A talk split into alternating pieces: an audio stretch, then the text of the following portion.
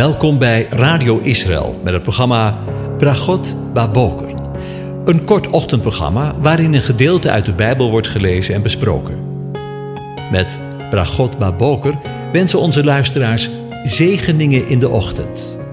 Presentator is Kees van de Vlist.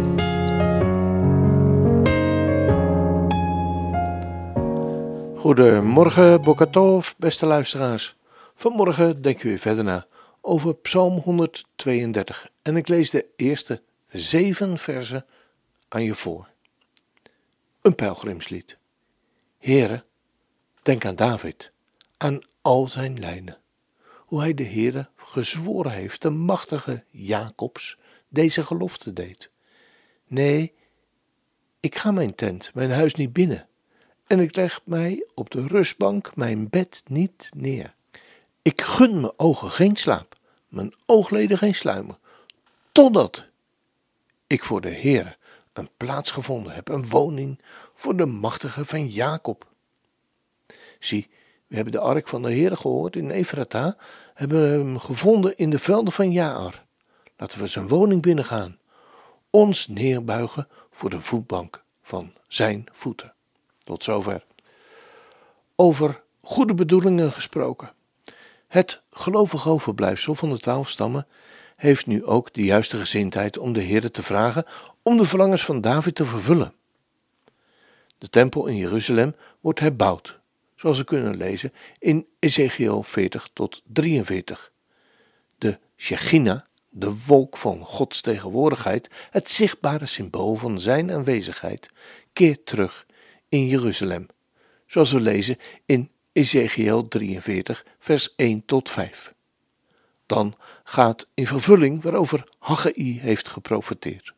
De toekomstige heerlijkheid van dit huis zal groter zijn dan de vorige, zegt de Heere, de aanwezige van de Heer Scharen. In Haggai 2, vers 10.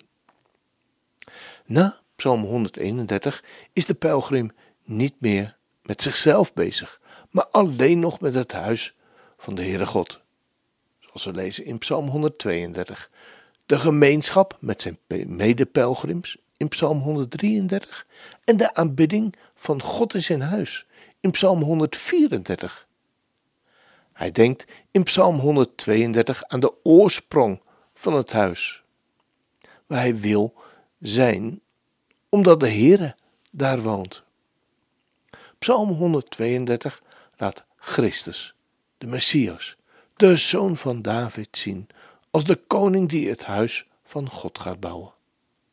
Psalm 133 laat Christus de Messias zien als de priester die de Heilige Geest laat werken, met als gevolg dat de vijandschap tussen het tweestammenrijk en het tienstammenrijk voor goed voorbij is. De bouw van het huis van God staat in verbinding met twee koningen, die gezamenlijk naar Christus wijzen. De Messias. David, een beeld van de leidende Messias, de leidende Christus, en Salomo, het beeld van de verheerlijkte Messias. David had de wens om het huis voor de Heere te bouwen. Salomo kreeg de opdracht en de macht om dat te kunnen doen. De indeling van Psalm 132 is opmerkelijk. De tweede helft van de psalm is namelijk precies de tegenhanger van het eerste deel ervan. De versen 2 tot en met 10 spreken over wat David wilde doen voor de Heer. En de versen 11 tot 18 spreken over wat de Heer voor David zal doen. Alles wat in deze psalm in de eerste helft wordt gebeden op grond van de eed van David, wordt in de tweede helft op grond van de eed van de Heere beantwoord. Een paar voorbeelden. David heeft de Heere gezworen in vers 2. Maar de Heere heeft aan David gezworen in vers 11a. Wat David heeft gezworen, dat lezen we in de versen 3 tot en met 5. Maar wat de Heere heeft gezworen, dat lezen we in vers 11b tot 12. In de versen 6 en 7 wordt er een plaats voor de ark gezocht. En in vers 13, daar vinden we dat de plaats gekozen is. In vers 8 lezen we een gebed voor een rustplaats. En in de versen 14 en 15 is de rustplaats vastgelegd. In vers 9 lezen we het gebed voor de priesters en de gunstelingen. En in vers 16 lezen we de belofte voor de priesters en de gunstelingen. En in vers 10 lezen we het gebed voor de gezalfde. En in vers 17 en 18, daar lezen we de belofte aan de gezalfde. Wonderlijk hè, hoe Gods woord in elkaar zit. En het doet bedenken aan de belofte van de Heer aan David aangaande de tempelbouw. David wilde een huis voor de Heer bouwen, maar de Heer antwoordde dat hij een huis voor David zou bouwen. Deze belofte is zo belangrijk dat de Heer de aanwezige deze met het zweren van een eed heeft bevestigd.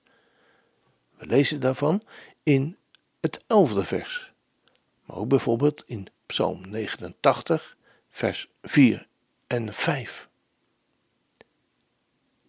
Dezezelfde wederkerigheid lezen we daar. Ik heb, sprak u, een verbond gesloten met mijn uitverkorene. Ik heb mijn dienaar David gezworen. Ik zal uw nakomelingen tot in eeuwigheid stand doen houden. Uw troon bouwen van generatie op generatie. Ziet u wel? En zien we deze wederkerigheid misschien wel niet terug in de tijd waarin wij leven? En ik zeg het met alle voorzichtigheid hoor, maar ook in de tijd waarin wij leven, zien we dat Israël een plaats, een land, maar ook een tempel wil bouwen voor de Heer. Als ik lees over de voorbereidingen die getroffen worden voor de bouw van de derde tempel, de rode vazen die gefokt zijn en getransporteerd zijn naar Israël, de priesterorde die hersteld wordt, dan is het allemaal zo goed bedoeld. Maar zou het niet kunnen dat het patroon dat we in het leven van David zien zich herhaalt? Het volk dat voor de Heer een huis wil bouwen, maar de Heer die antwoordt dat hij een huis voor David, voor de geliefde met een hoofdletter zal bouwen. Deze belofte is zo belangrijk dat de Heer het met zweren van een eed heeft bevestigd. Al Israëls goede bedoelingen ten spijt, al Davids goede bedoelingen ten spijt, is het de God van Israël die zijn eigen huis bouwt in de persoon van de meerdere Salomo. En zo ligt het ook in ons persoonlijk leven. Hoe vaak denken wij niet, wij zullen dat of dit doen voor de Heer. Het kan gaan van het nemen van goede voornemens om ons meer te richten op Hem, een heiliger leven te bouwen. Met andere woorden, een tempel voor Hem in ons leven te zijn. Of het kan zijn dat we het verlangen hebben om allerlei dingen voor Hem te doen. Allemaal goede voornemens en niks op tegen hoor. Maar laten we diep van binnen beseffen dat wanneer wij voor de Heer een huis, een tempel willen bouwen, in ons lichaam, in ons vlees, het doet denken aan de belofte van de Heer aan David aangaande de tempelbouw. David wilde een huis voor de Heer bouwen, maar de Heer antwoordde dat hij een huis voor David zou bouwen. Weet u, het is allemaal, van begin tot eind, allemaal genade al onze goede bedoelingen, hoe goed bedoeld ook, ten spijt. Hij zal zelf een plaats bereiden en een tempel bouwen in uw en mijn leven. Zijn wij bereid? Bent u bereid? Om al ons eigen werk te staken en Hem, Zijn werk, in u en mij te volbrengen? Want als dat geen zegen is,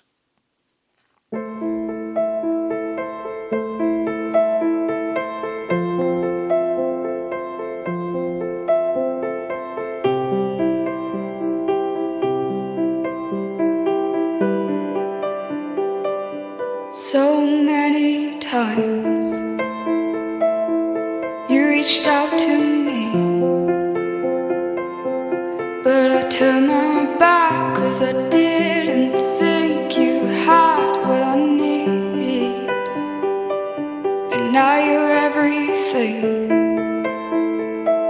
You're everything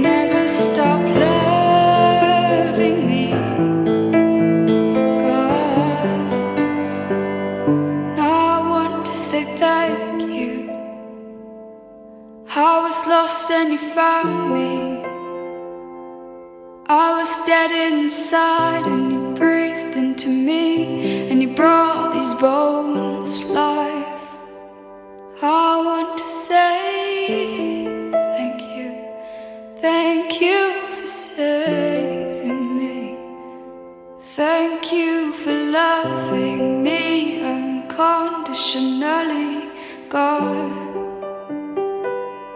Oh, thank you.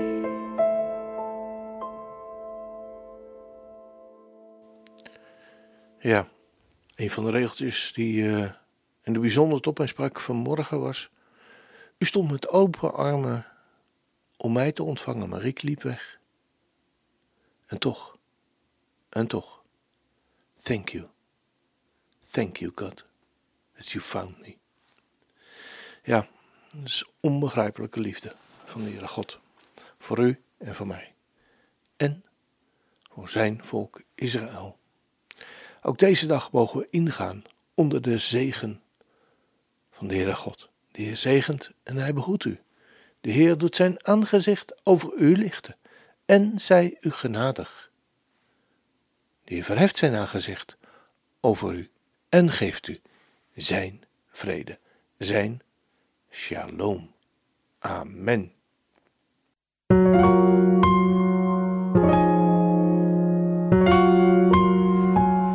U hebt geluisterd naar het programma Bragot Baboker. Een kort ochtendprogramma waarin een gedeelte uit de Bijbel wordt gelezen en besproken. Wilt u het programma nog eens naluisteren, dan kan dat. Ga naar radioisrael.nl en klik onder het kopje radio op Uitzending gemist.